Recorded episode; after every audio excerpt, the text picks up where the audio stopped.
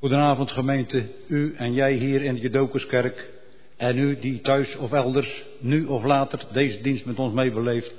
Hartelijk welkom in deze dienst, waarin zal voorgaan dominee Van der A uit Waalwijk. U ook hartelijk welkom. Het orgel wordt bespeeld door Miranda Brouwer. De collecte in de dienst is voor kerkbeheer en diaconie. En de uitgangscollecte is bestemd voor Stichting De Hoop in Dordrecht. Beide collectes van harte bij u aanbevolen. Evenals de zendingsbussen in de hal. Ons intochtslied is Psalm 79, vers 5. Vers 5 van Psalm 79.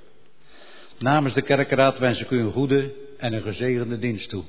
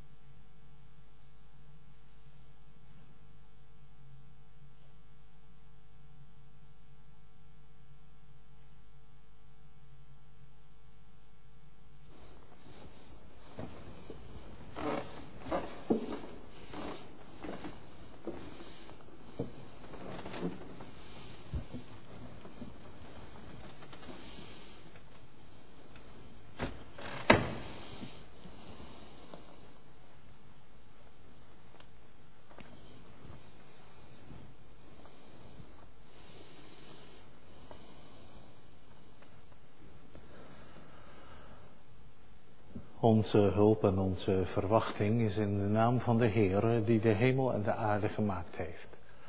Die de trouw bewaart van geslacht tot geslacht. Die eeuwig leeft en regeert en die niet laat varen het werk dat zijn hand begon. Genade, vrede, barmhartigheid en troost zij van God de Vader die zondaren aanneemt. Van Jezus Christus, de Zoon die het verlorene zoekt en van de Heilige Geest die het verdorvene nieuw maakt. Amen. Wij lezen straks uit Jozua de inname, de val van Jericho. En dat doen we vanuit het perspectief van Hebreeën 11. Door het geloof zijn de muren van Jericho gevallen het werk van de geest, het geloof in het hart, in het leven van een mens, dat zoeken we op aan de hand van wat daar gebeurd is. Gezang 3 zingt van de roeping van Abraham, geloofsgetuigen. En onder andere Jozua komt daarin voor, hoe hij als geloofsvoorbeeld zich in Israël heeft mogen gedragen. We zingen uit gezang 3, de versen 4, 5 en 6. Thank you.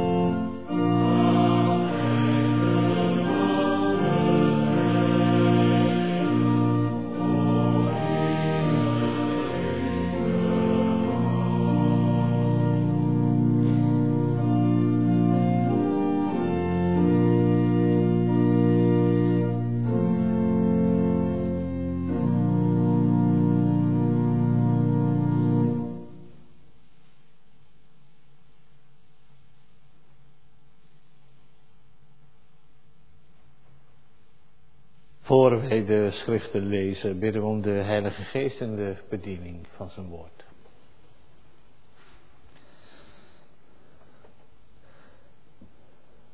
Getrouw en goede God in de hemel. We danken u dat wij op deze dag weer stil mogen worden in uw huis.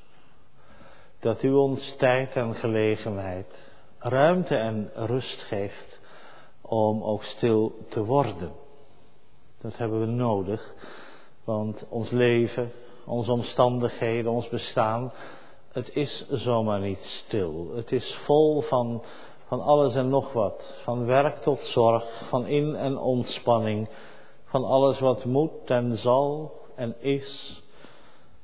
En hoe zou uw stem in dat alles klinken, als gij niet zelf aan het woord zou komen? En nu wij hier juist daarvoor samen zijn, andermaal op deze dag, bidden we u om uw geest dat uw stem in ons hart klinkt en dat uw stem uit uw woord opklinkt in ons leven. En dat het kracht en dat het aandacht, dat het moed, dat het alles geeft wat wij nodig hebben. Heer, geef dat uw geest van wie wij beleiden, dat die uitgaat van u, o Vader, en van u, o Zoon, dus van eeuwigheid er is. En het werk van u, o Heer Jezus, van verzoening en vernieuwing doet. Dat die geest ons vernieuwt. In wat we zeggen en in wat we zwijgen. In wat we zingen en hoe wij spelen. In wat we geven en hoe wij weer van hier gaan. Dat uw woord ons meegaat. Ons hier, maar ook voor hen die bij ons horen.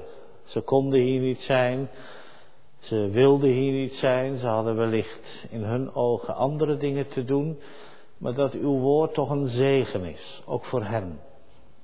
En dat uw woord een zegen is voor de kwetsbaren, voor hen die meeluisteren, omdat ze hier niet kunnen zijn en toch verbonden zijn in banden van geloof en liefde met uw woord, met u en met ons. Wilt u het zegenen, zodat het uw woord prijst uw naam eert en ons in kracht en moed sterkt. Om Jezus wil. Amen.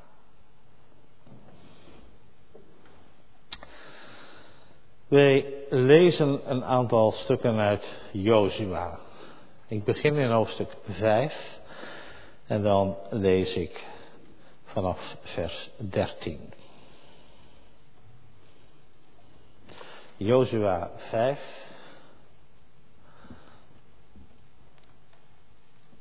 Vanaf vers 13.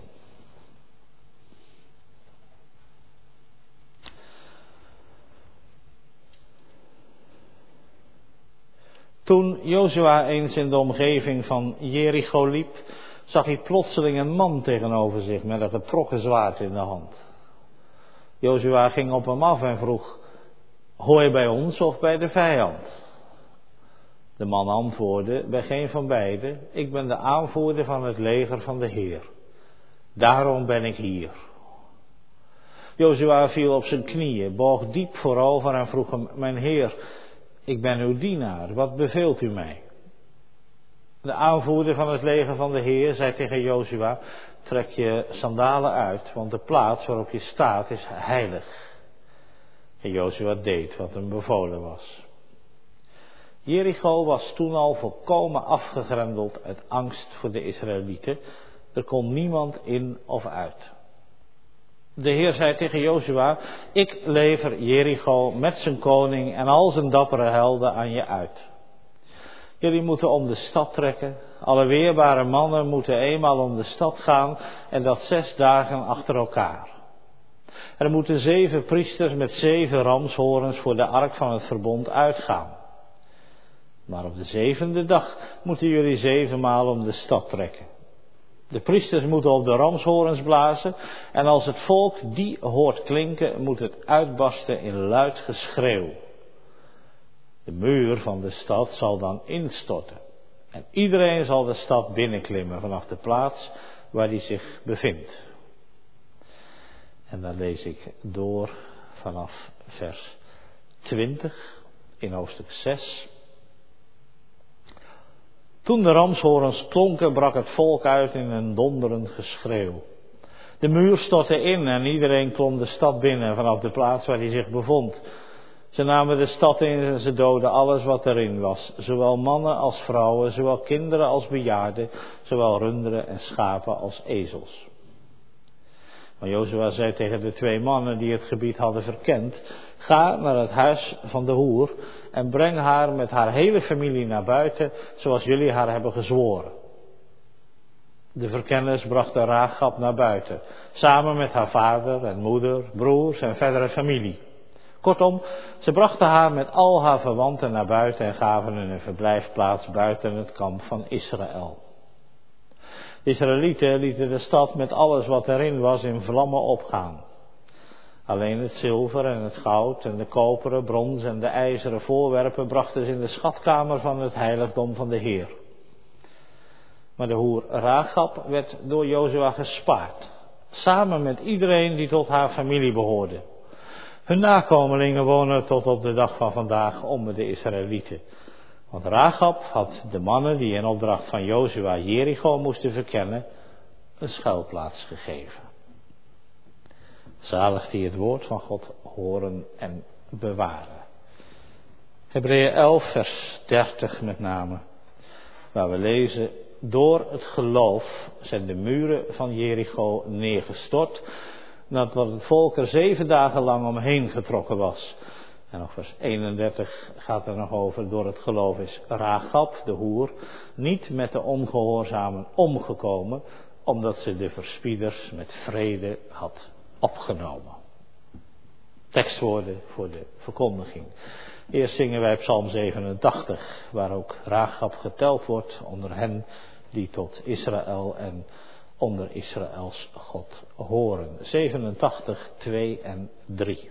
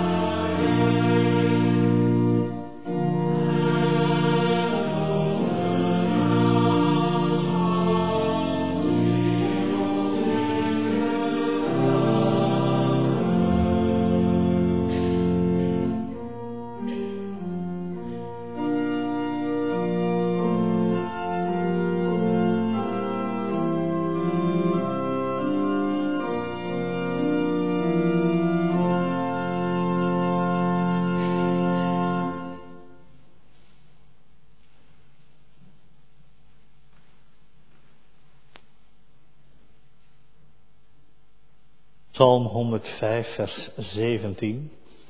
Hij was het die zijn volk bevrijdde en zijn uitverkorenen veilig leidde.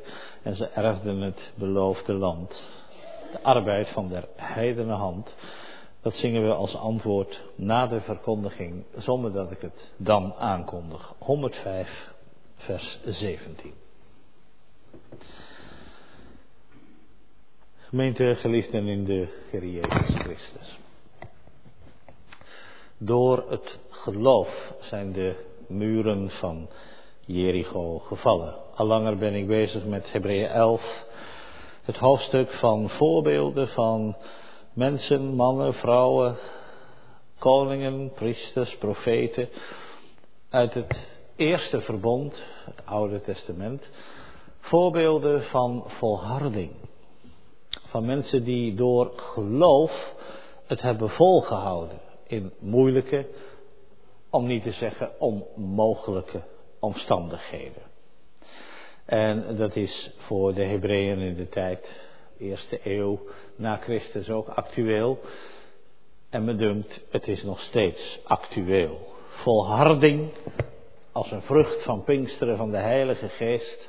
Volhouden we leven in een tijd waarin dat als geen ander nodig is. En een voorbeeld daarvan is aan de orde in ons gelezen schriftgedeelte Jozua.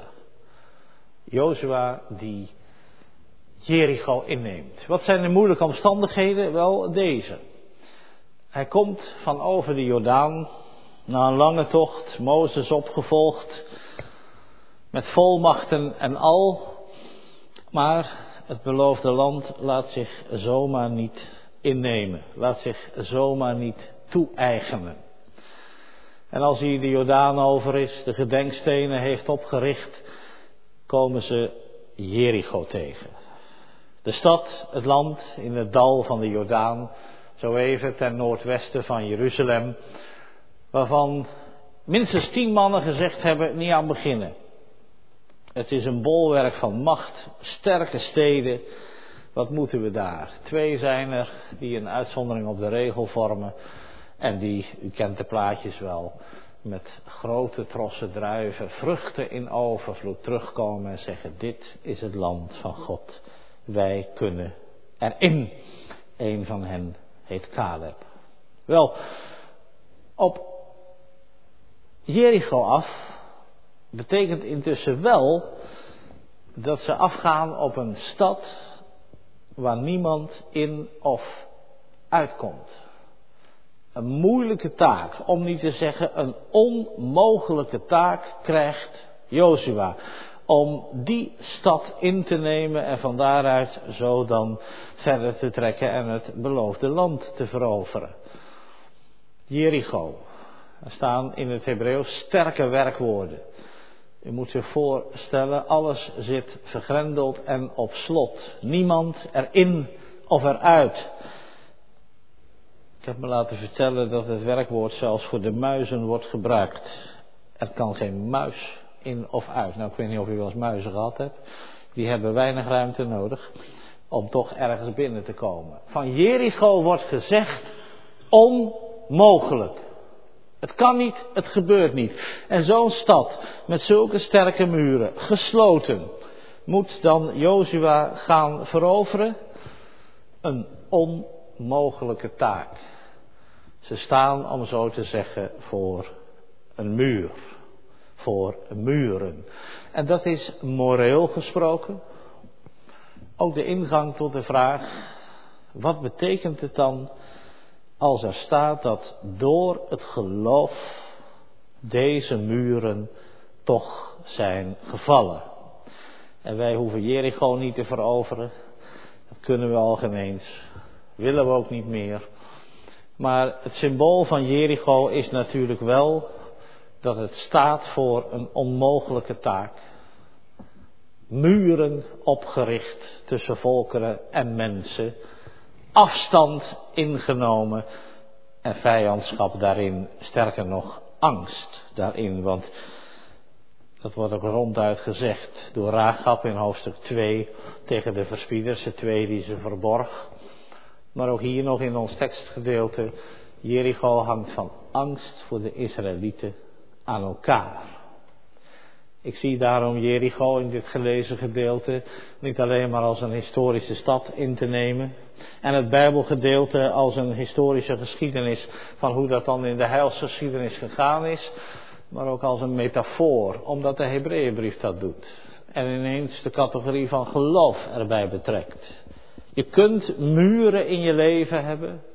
Je kunt onmogelijke taken in je leven bedenken van welke aard dan ook, maar geloof doet daar blijkbaar wat mee, kan daar blijkbaar wat mee. En dan stel ik mezelf en nu maar eenvoudig de vraag, welke onmogelijke taken liggen er wellicht in uw, in jouw leven? Iets simpeler, welke muurtjes zijn er opgetrokken rondom je hart, rondom je bestaan, Welke muren staan er in onze maatschappij waarachter we ons verschansen? Vroeger heette dat netjes zuilen. Ze zijn zogenaamd weg. Maar in de plaats daarvoor is zoiets gekomen als wij weten het al. Van rechts tot links. Standpunten staan vast. Of het nou over Zwarte Piet gaat. Of noem maar wat anders. We hebben het ingenomen. En we blijven erbij. Welke muren moeten er in ons leven wellicht geslecht worden. En achter welke muurtjes, die niet gezond en veilig zijn, maar verdeeldheid geven en getuigen van angst achter de muren. Waar moeten wij van bevrijd worden? En hoe zal dat gaan? Ik kan het eerste voor u niet invullen. Dat is uw huiswerk en luisterwerk. Het tweede kan ik wel wat van zeggen. En ik zal er een paar noemen. Hoe de muren van jouw hart en de gevangenissen waarin je opgesloten zit van angst. Ja, hoe dat kan instorten. Weggenomen kan worden. Het eerste wat ik uit de Hebreeënbrief dan haal is het woord door het geloof. Blijkbaar is er geloof nodig om de muren van ons bestaan, van ons hart, van ons leven te slechten. Geloof. En laten we wel zijn, hier gaat het om het geloof wat God geeft. Tegen de verdrukking in en om te volharden. Het geloof dat de Heilige Geest werkt in je hart. Dus niet het geloof waarvan je zegt, nou dat geloof ik, dat vertrouw ik, daar ga ik voor. Nee, het geloof hier als een gave van God. Het geloof van boven dus. Het geloof wat inderdaad God je moet geven, maar ook gelukkig wil geven. Want het geloof dat God moet geven, het moet je gegeven worden, is geen misschientje. De een krijgt het, de andere wellicht niet. Nee, dat geloof is een gave aan ieder die hem vraagt. Aan iedereen die hem smeekt. Aan iedereen die onder de dienst van de geest, in de dienst van het woord, leeft en wil leven. Er is dus om de muren van je leven te slechten geloof van boven nodig. En willen we dat? Zoeken we dat? Vragen we dat? Het geloof van Gods wegen en niet als een kunst, een prestatie van onze kant. Het geloof wat dus van Hem komt. Dat is het eerste, dat is ook het meest principiële. Wie de muur van zijn hart, wie de muur in de samenleving, wie, nou noem ze maar op, wil slechten, die zal bij God terecht moeten komen. En van Hem afhankelijk worden. En daarop ga ik in tweede instantie even door. Van hem afhankelijk worden. Want als Jozua, die ene man, die wonderbaarlijke man, die aanvoerder van de legers van God, als die hem tegenkomt, wat zegt hij? Schoenen uit. Heilige grond. Dit is een gebedsplaats. Met andere woorden, hij wijst er maar even op dat het geloof en de overwinning van God komen.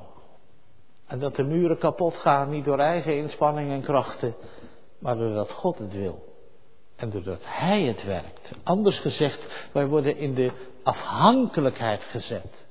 Wie het geloof van God begeert en wie aan Hem vraagt om dat geloof, omdat hij de muren ziet en er zijn neus kapot oploopt en van angst stikt erachter en er niet omheen wil en omheen kan, want dat kan natuurlijk ook, hè. Je kunt de muren natuurlijk, je kunt er een loopje mee nemen. Dan denk ik, zoek wel wat anders. In het beeld gebleven, je kunt er overheen denken te klimmen om er door te kruipen of links of rechts om omheen. Het zal niet gaan. De muur blijft staan en die valt niet. nee, we zullen bij God terecht moeten komen om de muur kapot weg te krijgen. En dat, lieve mensen, is een zaak van Gods gave die wij in afhankelijkheid begeren en verlangen en waarom wij bidden. Als u muren tegenkomt, bid u ervoor. Of lost u het eerst zelf op? Of gaan we er maar liever omheen? Keren we terug u, die de muren in zijn leven ziet, op de slechte, omdat ze niet goed zijn die komt bij God terecht. En die bidt. En dan? Nou, het tweede wat dan in dit gedeelte naar voren komt, is de gehoorzaamheid. Oftewel, het luisteren naar wat God zegt. Want natuurlijk, geloof is een gave van God. Maar dat is geen gave die je hebt of niet hebt En je doet er niks mee. Nee, want Jozua moet luisteren, het volk moet luisteren. En die krijgen een heel duidelijk bevel. Zes dagen lang om die stad heen lopen. Vooraan strijdbare mannen, mannen. Daarachter de ark met de priesters en de ramshorens. Die gestaag hun tonen zullen blazen. En daarachter het volk in stilte. Geen mond open. Geen geluid voortbrengend. En lopen.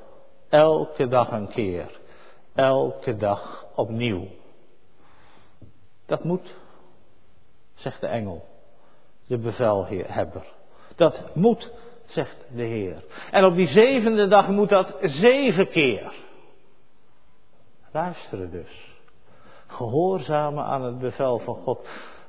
Anders gezegd, je gaat er rondom heen. Ik stel me dat zo voor, hè. Hoe zal dat geweest zijn? Zes dagen lang en de zevende dag zeven keer. Om die stad heen. De stad die ze niet kenden. Ze kwamen uit de woestijn. Ze kwamen van het overjordaanse. Ze hadden hooguit wat gehoord van de reclamefolders van de verspieders. Nou, die waren nogal verschillend. Het reisadvies buitenlandse zaken was niet doen. Op twee na, ja, die heb je altijd, hè, positieve mensen. Wat moeten ze ermee? Ik stel me zo voor, de eerste dag is het nog wel interessant. Hoe ziet zo'n stad eruit? Wat zien ze allemaal? De tweede dag vallen andere details op. Enzovoorts. Een derde dag wellicht weer wat anders. Maar op de zesde dag weet je het onderhand wel. Dan heb je het wel gezien. Laat staan als je op de zevende dag zeven rondjes moet lopen. Weer die stad. Wat ik eruit haal, Blijkbaar moeten ze Jericho door en door kennen van buiten. Moeten ze het zien. Moeten ze, om zo te zeggen, hun tegenstand, hun tegenslag, de muren, de angst daarbinnen als het ware ruiken en proeven, mogen ze er inderdaad niet van weglopen. Wie in het geloof wil volharden, moet van zijn problemen niet wegvluchten. Wie de muren van zijn hart en van zijn gedachten van de samenleving wil slechten, moet in ieder geval niet de andere kant op kijken en net doen alsof het niet aan de orde is. Die zal ze gedurig en gedegen onder ogen moeten komen. Dat is wat Israël moet doen. Jericho, de stad van de overwinning, moet gezien worden, moet gekend worden, moet om zo te zeggen doorgrond worden. Lieve mensen, dat is geestelijk gesproken in het geloof niet anders. Wie God vraagt, slechte muren van mijn hart, kom over en help. Leer mij uw overwinning. Die zal in ieder geval zijn eigen muren, zorgen, vragen, problemen, angsten, noem ze maar op, op wel onder ogen moeten komen. Met ontkenning schiet u niet op en van weglopen wordt u niet wijs. Evenmin als van eigen inspanning. Het kost u bloed, zweet en tranen. En niet om een gezellig liedje bij te zingen, maar om aan ten onder te gaan. Met andere woorden, de muren moeten gezien. Dat is het tweede. Dat geeft een geweldige afhankelijkheid. Want juist wie dat ziet, Juist wie ze ziet staan, juist wie de onmogelijkheid ook tegenkomt, die om zo te zeggen met Koolbrugge zijn vlees ziet staan, zal vragen help, zal bidden in afhankelijkheid, kom over, zal inderdaad voor die God neervallen, buig u neer, val op uw knieën en bid mij. Het een kan niet zonder het ander. En dan het derde. Ik heb nu twee dingen gezegd. Even samenvatten. Geloof is nodig om de muren te slechten van boven. In biddende afhankelijkheid. Het tweede is dat we daardoor de muren goed zien en doorkrijgen. Om die biddende afhankelijkheid te oefenen. In praktijk te brengen. Maar dan zit er in de geschiedenis iets merkwaardigs als het gaat over geluid. Geluid speelt een rol. De ramshoren moet klinken, die van de priester, maar het volk moet zwijgen. Alsof het niet gaat om het gerebbel en gekwebbel van onze eeuwige klachten en geklaag. Alsof het niet gaat om de afleiding van heb je dit filmpje gezien, heb je dat nieuws gehoord. Maar dat je gewoon stil liet zijn. En inkeert. En inderdaad is even phoneless. Is even zonder beeldscherm bent. En is even stil wordt. Waarom? Ja, dan hoor je die ramshoren. Dan hoor je die monotone, sobere tonen. En die horen bij de ark van God. Dan krijg je, om zo te zeggen, aandacht voor Gods aanwezigheid. Aandacht voor God in ons midden. Zomaar zit alle herrie, alle kletspraat, alle nieuws, alle gedoe van familie en van die en van. zit in de weg. Stil zullen ze zijn. Voor mij, ik verwoord het maar zo, is dat een uitdrukking van een omgang met God die leeft in wat ze vroeger noemden de vrezen des Heren. Of op zijn Engels in de awe, in de AWE, in de awesomeness, in het ontzagwekkende van God. Want in die stilte, waar hun stem verstild, verstomt, wordt de ramshoren duidelijk en daarmee de ark hoorbaar zichtbaar, al loop je kilometers achterop. Je weet, God is in ons midden. Het is een godsontzag. Een vrezen des Heren, een ontzag voor de heilige God. Zoals Ragab het wist en het ook verwoordde. Spaar mij, want uw God is de God van de hemel en van de aarde. Hij is ontzagwekkend. Jozua 2. Dat dat besef diep in Israël moet doordringen en moet landen. En dat je zo besef krijgt. God zal de muren slechten. Hij zal het werk verrichten van verlossing en van bevrijding, waarvan we zo meteen zullen zingen. Gemeente, om de muren te slechten, waar ze ook staan, hoe ze ook gevormd zijn, de muren die niet veilig zijn en die geen bescherming bieden, die angst opleveren, die als een gevangenis functioneren, hebben we de vrezen des Heren nodig. De wijsheid die daarbij hoort. Hebben we het ontzag voor God nodig. Hij alleen en Hij vooral kan de muren slechten. En we horen de tonen, oud-testamentisch, van Zijn aanwezigheid in de ark. Nieuw-testamentisch, van Zijn aanwezigheid aan de rechterhand van de Hemelse Vader. Door het zuchten van de geest, met onuitsprekelijke zuchtingen. U hoort hem zuchten voor zijn schepping en voor zijn kinderen voor jou. Voor mij. Maar daar moet je wel stil voor worden. En Gods ontzag voor hebben. De vrezen des Heren. Ten slotte. Als die vrezen des Heren er is. Het werk wordt wel afgemaakt door God. En op een ongedachte manier, die zevende dag. Hè, zevenmaal eromheen. En pas als het geluid van de bazuin, het geluid van de ramshorens zal klinken, dan mag het volk juichen. En dan breekt er ook een gejuich los. Wel, het stadion kan er niet tegenop. Ik weet niet of je dat wel eens meegemaakt hebt. Als je een voetbalwedstrijd hebt van een eredivisieclub en je woont bij wijze van spreken 100 meter verderop, wat er gebeurt als er een doelpunt valt. Nou, je denkt, je, je weet het precies, je hoeft de radio niet aan te zetten. Wat een gejuich, wat een gedender, om geen ander woord te gebruiken. Nou, zo is dat ook bij Israël. Als de ramshoren klinkt, de bezuin klinkt, dan breken ze uit in gejuich. Maar intussen, er is nog geen doelpunt. Kijk, wij juichen pas als het doelpunt gevallen is. Israël juicht voor de buit uit. Want pas als ze juicht en nadat ze hebben gejuicht, storten de muren ineen en gaan ze rechtuit, ieder op zijn doel af.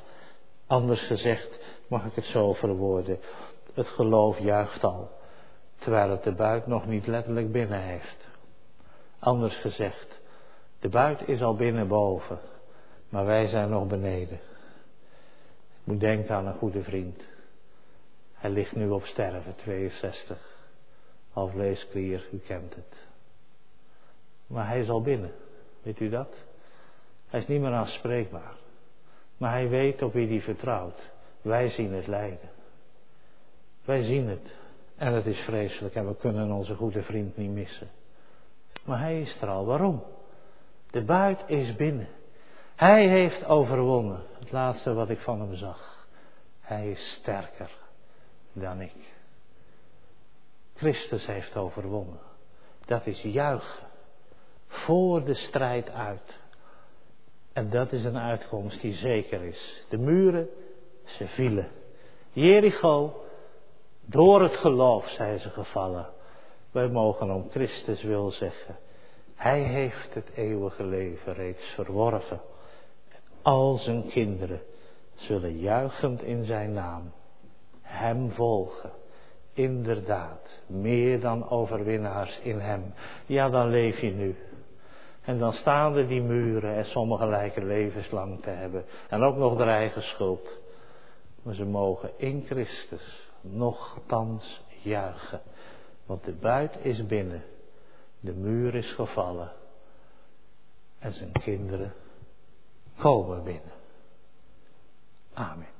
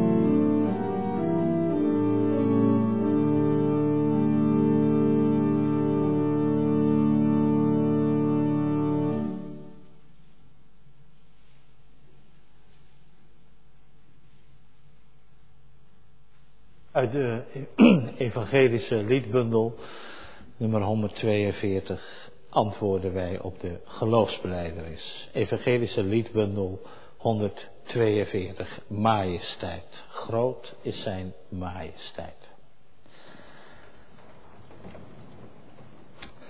Stemmen wij van harte in met het beleiden van de kerk dat spreekt in het apostolicum.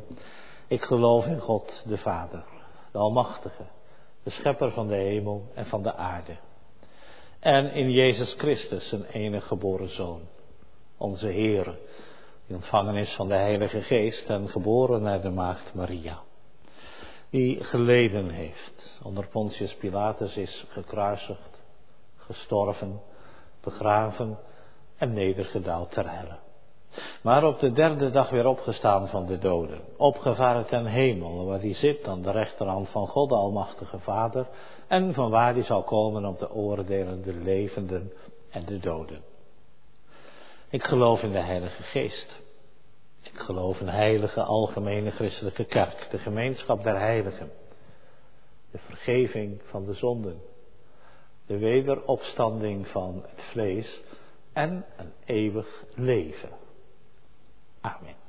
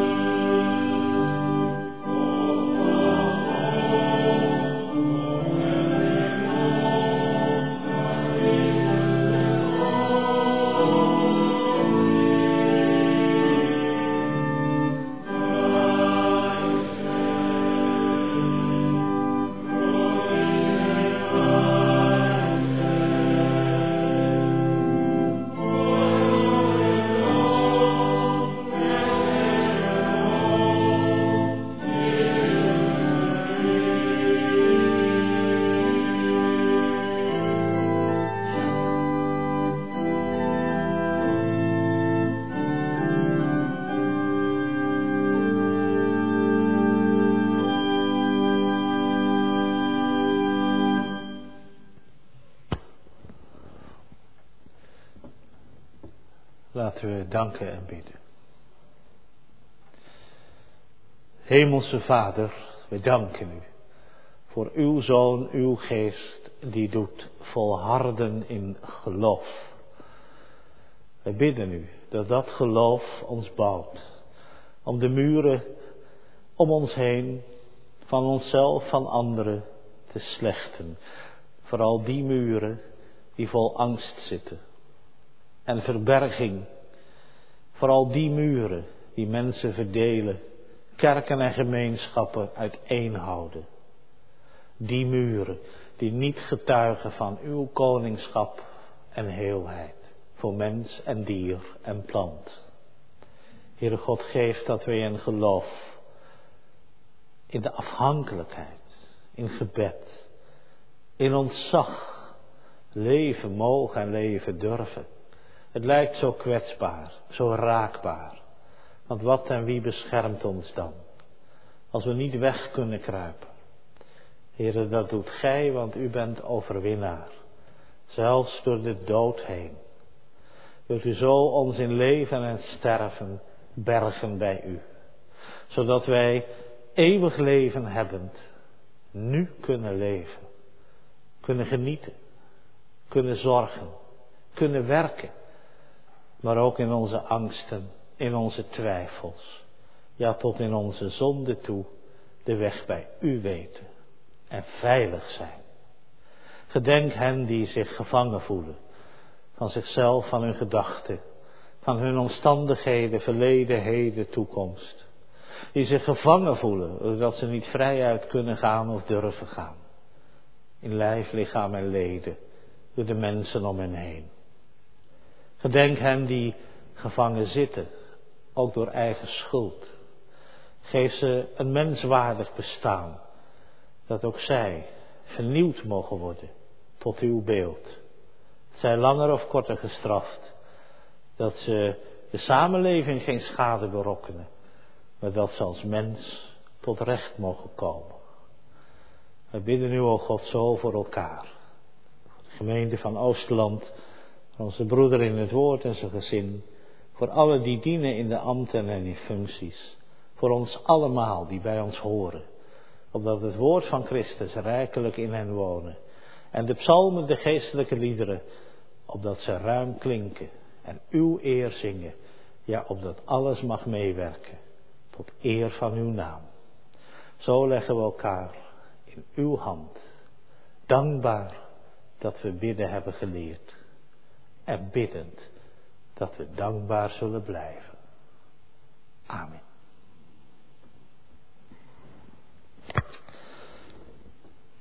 U krijgt gelegenheid uw gaven te geven en met gezang 441, de versen 7 en 12 zingen wij ons slotlied. 441, 7 en 12.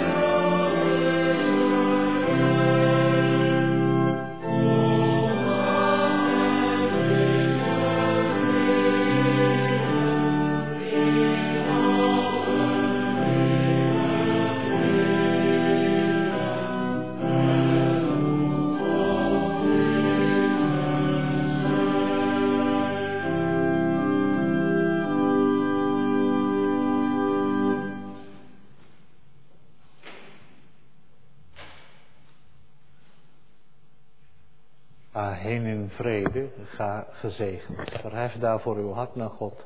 Ontvang zijn zegen voor u en die bij u horen ten zegen. De genade van onze Heer Jezus Christus, de liefde van God de Vader en de troostvolle gemeenschap van de Heilige Geest zijn blijven met u allemaal.